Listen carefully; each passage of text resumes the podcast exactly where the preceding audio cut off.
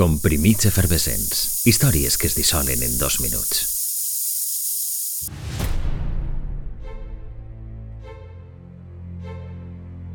Es tractava dels germans Sophie i Hans Scholl i Christoph Probst. El jutge suprem del Tribunal del Poble d'Alemanya els va considerar culpables de traïció i els va sentenciar a mort.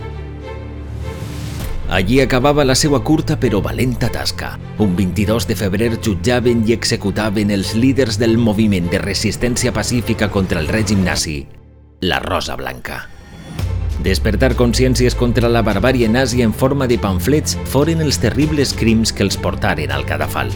Sabien què passava, viviren de prop les atrocitats d'aquell règim de terror on tot el món pareixia mut i paralitzat. El nucli de la Rosa Blanca estava format bàsicament per cinc persones i d'una humil xarxa d'una trentena de col·laboradors, la majoria estudiants universitaris, que ajudaven a la distribució repartiren els pamflets bàsicament per Munic i altres poblacions de Baviera.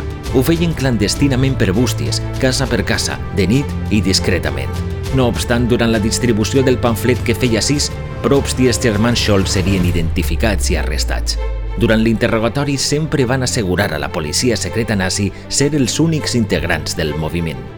Avui en dia, carrers, places, escoles i instituts porten el nom dels herois de la Rosa Blanca, un moviment pacífic de resistència que fou decapitat pel terror de Hitler un 22 de febrer de 1943.